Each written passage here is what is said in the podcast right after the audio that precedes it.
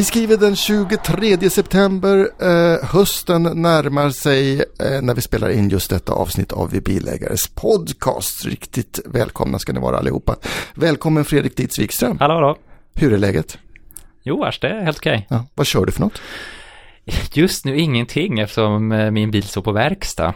Långtestallets Nissan Qashqai är på felsökning. Maria Dalin, välkommen. Hej, tack. Vad kör du för något? Jag kör just nu en Mercedes C, C350, en laddhybrid. Jaha, ja. Tommy Wahlström heter jag, kör min eh, långtest BMW i3 igen efter en tid eh, och det är väldigt kul att vara tillbaka tycker jag. Men, men Fredrik, varför står den still, Qashqaian? Ja, här i slutet av sommaren, jag har svettats ganska mycket när jag åkt i Qashqai. Eh, det är nämligen så att AC'n har slutat att fungera. Det kommer ingen svalka, så eh, den är på felsökning för att se vad det kan vara. När jag pratade med Nissan på telefon så, så lämnade de diagnosen att det förmodligen var ett stenskott som har slagit ut luftkonditioneringen. Alltså att någon sten har träffat komponenterna som sitter innanför kylargrillen. Mm -hmm. Men det första beskedet från verkstaden är att nej, det är förmodligen inget stenskott. Det är förmodligen ett elfel. Så vi får se hur det slutar. Från början sa de ju också att om det är ett stenskott så får du stå för det själv. Ja, exakt. Då omfattas det inte av garantin. Så ja, el, elfel är väl bättre för plånboken då. Och för ekonomiavdelningen. Ja, exakt. Vi får hoppas på det då. eh, Maria, eh, Mercedes C-klass laddhybrid. Ja. Ja, hur går den? Den går bra. Jag har inte testat att köra den bara på el, men räckvidden ska väl vara tre mil tror jag.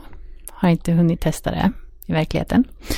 Men eh, den går ju att anpassa på alla möjliga sätt. Det är ju, alltså man kan ändra från eh, sport till sport plus till komfort till eh, Echo eco och sen så kan man ju ställa in själva batteridriften till hybrid och det kan vara e-save och e-mode och jag, jag kan och så var det luftfjädring på den där också. Ja, en liten knapp jag hittade i morse som jag tryckte på för jag tyckte det verkade kul. Och då står det helt plötsligt bilen höjs i eh, displayen. Jaha, vad trevligt, tänkte jag. Men eh, ja, det finns väldigt många sätt att anpassa den här så att det blir perfekt för en själv. Men eh, jag vet inte riktigt hur jag vill ha den så att jag får väl testa lite och återkomma. Tre mil i räckvidd låter ju lite kort måste jag säga. Alltså i verklig trafik då blir det väl bara en mil då eller? Ja, vi får se. Ja, jag minns ju eh, Toyota Prius plug-in när den kom, de hade väl 1,9 eller något sånt där. I, I angiven räckvidd eller? Nej, den kanske var mer angiven. Sen så när man tog ut den på ja. vägarna så kom man inte riktigt lika långt alla gånger. Ja, ja. Men eh, ja, vi återkommer väl till eh, C-klass och till eh, öden och äventyr för vår Qashqai så småningom. I3 har jag kommit tillbaka till efter att ha kört andra bilar ett tag och det är väldigt trevligt att komma tillbaka. Den är väldigt kul att köra. Snabbast från rödljusen. Snabbast från rödljusen, perfekt i stan, men det finns ett litet dilemma och det är ju det att jag ska inte säga striden, eh, men jag ska säga eh, kontakten, relationerna mellan stans cyklister och bilister har ju eh, tuffats till en smula under de senaste åren.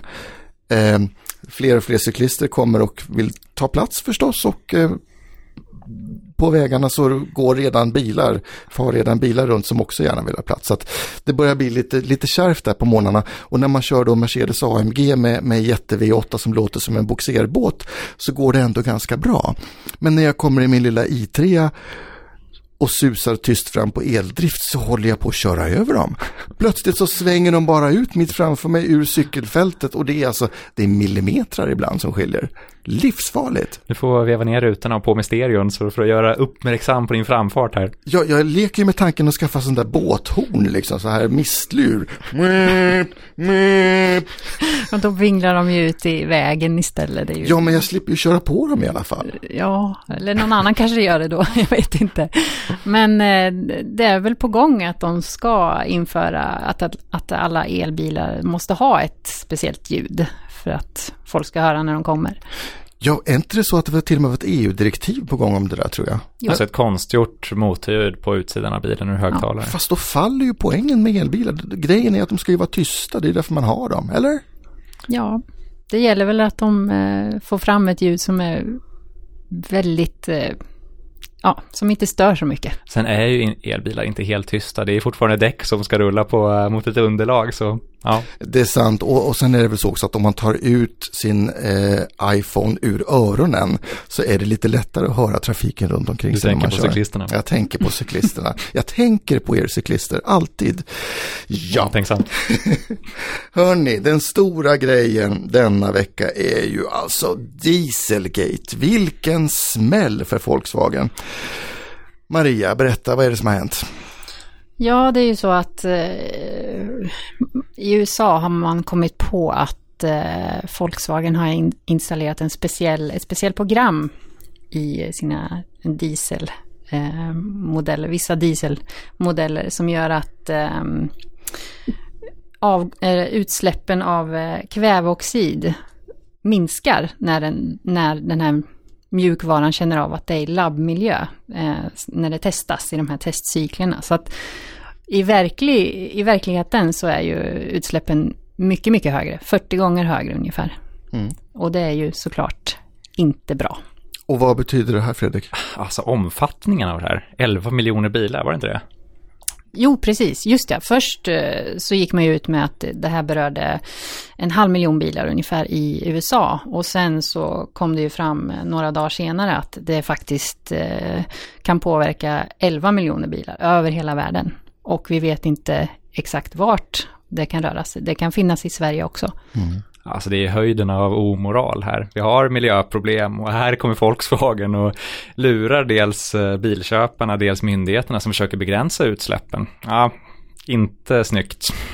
Och, och det är också en jättesmäll just för USA-marknaden och Kalifornien kanske framförallt och där man har, alltså Volkswagen, BMW, Mercedes och Audi också har gått samman och lanserat en jättekampanj som heter Clean Diesel för att marknadsföra dieselbilar som ett miljövänligt alternativ till, till vanliga bensinbilar då i Amerika.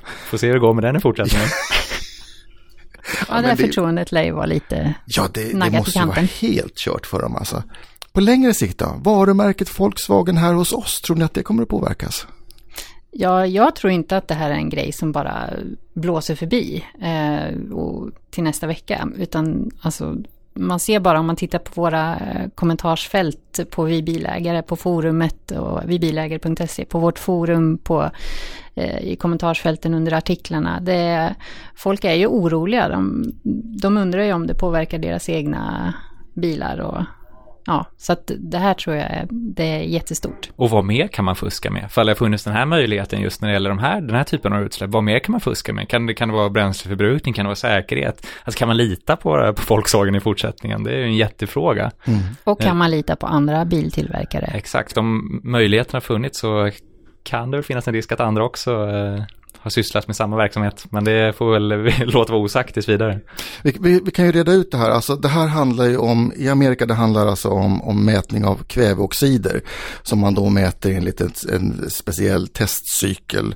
Eh, i vanliga fall när man pratar om testcyklar just så handlar det ju om bränsleförbrukningsmätning. Och när vi pratar om det i Europa så finns det en, en cykel som heter, heter NEDC som mäter då Den som bestämmer bränsleförbrukning. Ja, men, men bränsleförbrukning och kväveoxidutsläpp är alltså skilda saker. Det har egentligen inte riktigt med varandra att göra. Men, men som du säger, och, och det även när det gäller bränsleförbrukning så finns det ju en stor diskrepans mellan de värden som, som tillverkarna anger i deklarerad förbrukning och när vi testar bilarna sen så kan vi i vissa fall uppleva 50% högre förbrukning i verkligheten. Vi hade ju här om året i långteststallet Volkswagen Golf som har- landade på över 50% överförbrukning jämfört med bränsledeklarationen. Ja, har Ja. man, har man Kan man fuskat lita där på också? Volkswagen? Ja, Ja, det är intressant. Eh, Den här kväveoxidfrågan dock, är, måste jag säga, den har ju faktiskt eh, Europa varit på tidigare. För EU-kommissionen började redan 2007 att titta på det här. Och eh, nu så har man tagit fram ett, en ny typ av test som man då funderar på att införa, kanske redan från år 2017, som heter RDE, Real Drive Emissions.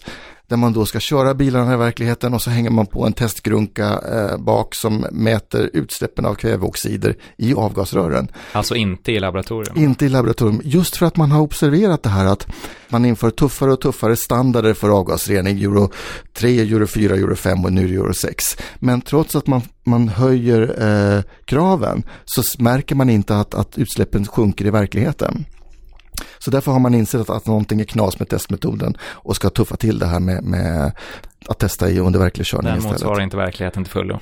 Nej, det är precis. Och det är ju det som man också har visat i USA nu då. Mm. Det är bara så konstigt att man kommer på det just, eller att det är först nu som man ska införa och testa i verkligheten. För det, ingenting blir som i verkligheten, ingenting blir som verkligheten i ett labb. Det är ju, ja, det är konstigt att det är först nu som man kommer på det här att prova på riktigt. Mm. Men ni tror att det här kommer att hänga kvar länge för Volkswagen? Om man jämför med andra skandaler, till exempel Toyota här om året när de hade problem med bilar som accelererade, skenade okontrollerat. eh, Så återkallade man de här bilarna och det här var ju inte någonting man hade gjort eh, med intention så att säga. Eh, Här har man fuskat medvetet, vilket är något helt annat. Så det här tror jag blir svårt för Volkswagen att skaka av sig fort. Kväveoxiden kommer att ligga som ett svart moln över varumärket. Ja, förgiftade. En sak som jag inte begriper det är ju varför Volkswagen skulle göra det här. Man har alltså en, en funktion eh, som känner av att okej nu gör vi det här testet så då sätter den på avgasreningen för fullt. Och sen när den inte är i en testsituation då slår den av avgasreningen. Varför ska den slå av avgasreningen? Det är jättekonstigt. Men det kan ju vara så att det sker på bekostnad av något annat, till exempel motorprestanda. Ja, okej. då. ja, men, men då tror jag också att man har tänkt fel. För det är klart att miljömupparna i Kalifornien hellre skulle ha låtit det ta två sekunder till och accelerera upp till 100 km i timmen. Eller bara nöjt sig med att köra 160 istället för 220 liksom i toppfart. Om de hade fått en ren bil, vilket de var utlovat. Men, men så vart det ju inte. Något i fuffens kan vi konstatera. Mhm, Something's rotten in the state of Denmark som vi säger. Hörni, eh, för övrigt då nyhetsflödet Maria, är det någonting som händer? Ehm, det är ganska dominerat av Volkswagen kan jag säga. Men eh, ja, det kommer lite statistik om viltolyckor. Ehm, Hur mycket det kostar då? Det var ja, precis. Till exempel, rådjur är, ju det vanligaste eh, att krocka med eh, när det gäller vilt. Eh, och eh, just rådjur kostar en miljard om året i ja, alla de här kostnaderna. Oj. Mycket plåtskador. Ja, Ja, De gör inte så ont att köra på kanske jämfört med älg, men det gör ont på bilen. det gör ont, det blir dyrt och de sprider fästingar. Nu kan vi... och de äter tulpaner. Ja. precis. Något du råkar ut för? eller? Ja, och sen, ja, det, ja, det är ju det är de som dominerar. Jag tror det är 75 procent av alla viltolyckor är rådjur. Men det finns ju även lite mer udda inslag, som till exempel, jag tror att det var eh, fyra olyckor med örnar. Eh, Asså? Ja. hur man nu lyckas köra på en örn, men det, ja. Eh, och ett, en krock med ett mufflonfår. Jaha. Jag vet inte riktigt vad det är ens, men eh, ja, det har tydligen hänt. Okej. Ehm, ja, Mm. så mycket mer Nej. har jag inte. Eh, en stor del av nyhetsrapporteringen förra veckan kom ju från dig Fredrik. Du var på bilsalongen i Frankfurt. Ja, det är väl höstens stora bilhappening här i Europa. En eh, bilmässa stor som en, eh, vad ska man säga, mindre svensk småstad. Det är ett enormt komplex här och det är väl motorjournalisternas eh, favoritsak att klaga på att det är väldigt långt mellan mässhallarna där. Men eh, det är ju späckat med bilar och ja, ganska kul att gå omkring där. Vad var det du såg för något? Ja, ska man börja? Volvo var inte på plats eftersom man har bestämt att man har ändrat sin strategi eh, för bisalonger. Så man hoppar över Frankfurtmässan. Eh, så det var ganska skralt med, vad ska man säga, svenska inslag. Men det fanns två bilar i alla fall som, hade ställts, som ställdes ut med, som var ritade av svenskar. Honda visade en konceptbil ritad av en kille som heter Martin Petersson och eh, Nissan visade en konceptbil ritad av en kille som heter Mårten Wollgren. Så det var kul att eh, Sverige var med på ett hörn i alla fall. Var det några överraskningar? Och I den kategorin kanske man får, måste nämna BMW-chefen Harald Kryger som eh, under en presskonferens eh, kollapsade på scen varefter BMW fick avbryta presskonferensen. Eh, som tur är så ska BMW-chefen må bra efter omständigheterna men eh, det var väl en överraskning måste man säga. Men vet man vad som hände? Oklart, men eh, han ska tydligen vara på väg tillbaka till jobbet och så det ska ha gått bra. Nya bilar var det väl förstås där? Ja, det fanns det gott om. Både sådana här, både stilstudier, konceptbilar som visar vad som komma skall, men också nya produktionsbilar. Opel Astra visades ny upplaga, eh, Renault Megane, Volkswagen Tiguan. Eh, alla tre eh, såg eh, vassare ut än, sina, än de eh, bilarna de ersätter.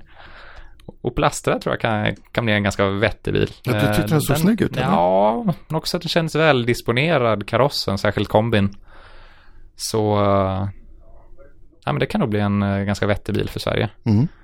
Sen finns det ju verkligen alla sorters bilar på en sån här bilmässa. Stora, fläskiga lyxsuvar kunde man se i flera montrar. Bentley visade en vräkig SUV och Jaguar visade det också. Så Samtidigt som man visar elbilar. Eh, eh, Porsche och Audi visade elbilar med lång räckvidd, ungefär som en Tesla. Man kan ta sig 50 mil på en batteriladdning. Och också ett eh, nytt bilföretag från Taiwan, Thunder Power som de heter, som också visade en, eh, en elbil med så lång räckvidd. Så vi får se vad som händer på den fronten. Spännande. Eh, jag var och pratade med Skåda här och eh, apropå SUVar så säger de ju det att, att SUV-trenden verkar ju fortsätta och stärkas ytterligare åren framöver. Så Skåda kommer ju då med en stor SUV nästa år redan som man ska visa upp. Alltså nästan 480 lång. Det är alltså Kia Sorento storlek på den, sjusitsig. Uh, och sen kommer man också med en ny generation av Skoda Yeti. Och då har man tonat ner designen eftersom det här boxiga funkislucken inte funkar i Asien. Okej. Okay. För att sälja till kineser då ska, man, då ska det vara så här lite mer slickt och uh, Audi. Okej. Okay. Mm ta bort egenheterna. Man ska ta bort egenheterna så ska man släta ut sig lite grann. Men eh, snyggt blev det i alla fall. Mazda visade en konceptbil som eh, förebådar också en ny SUV med lite kupélinjer. Så det är väl som en eh, BMW X6 ungefär, fast från Mazda. Så vi får, får se vad som händer där. En annan eh, små-SUV som visades var Kia Sportage. Som har fått eh, ja, lite knasig design i fronten.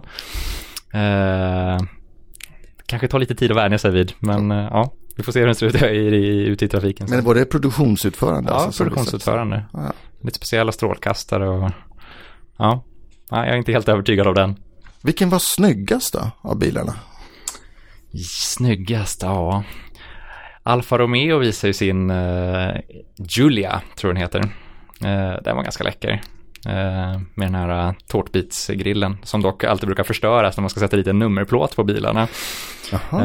Så de hade ingen nummerplåt här i Frankfurt. Men den tyckte jag var läcker. Jag tycker i alla fall att den har snyggaste namnet. Just den versionen de visade upp hette ju Alfa, Alfa Romeo Giulia Quadrifoglio eller någonting. Det låter ju jättevackert. Mm. Ja. ja, men den var läcker. Och fulast på salongen?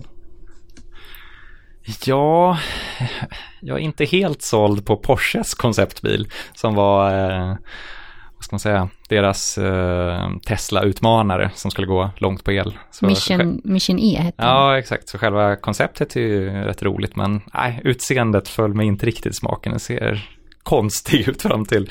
Men, ja. ja, ni får, vad tycker ni om den? Har ni sett den? Eh, jag ska ta fram den här. jag vet inte, jag tänkte mest bara att por ja, det är en Porsche. eh, men eh, Ja, vad tycker du Tommy? Nej, jag tycker de här fyra, fyra ögonen i varje strålkastare eh, inte är så snyggt. det... Nej, det kanske blir lite fluga över hela. Ja, ja, det är lite flugkänsla ja, faktiskt. Det känns inte så harmoniskt. Nej, men det ligger väl i betraktarens ögon. Skönheten ligger i betraktarens ögon och eh, vår podd ligger som en smäck i era öron. Ett nytt avsnitt spelar vi förhoppningsvis in eh, nästa vecka. Till dess, ha det så bra. Hej då! Hej då! Hej!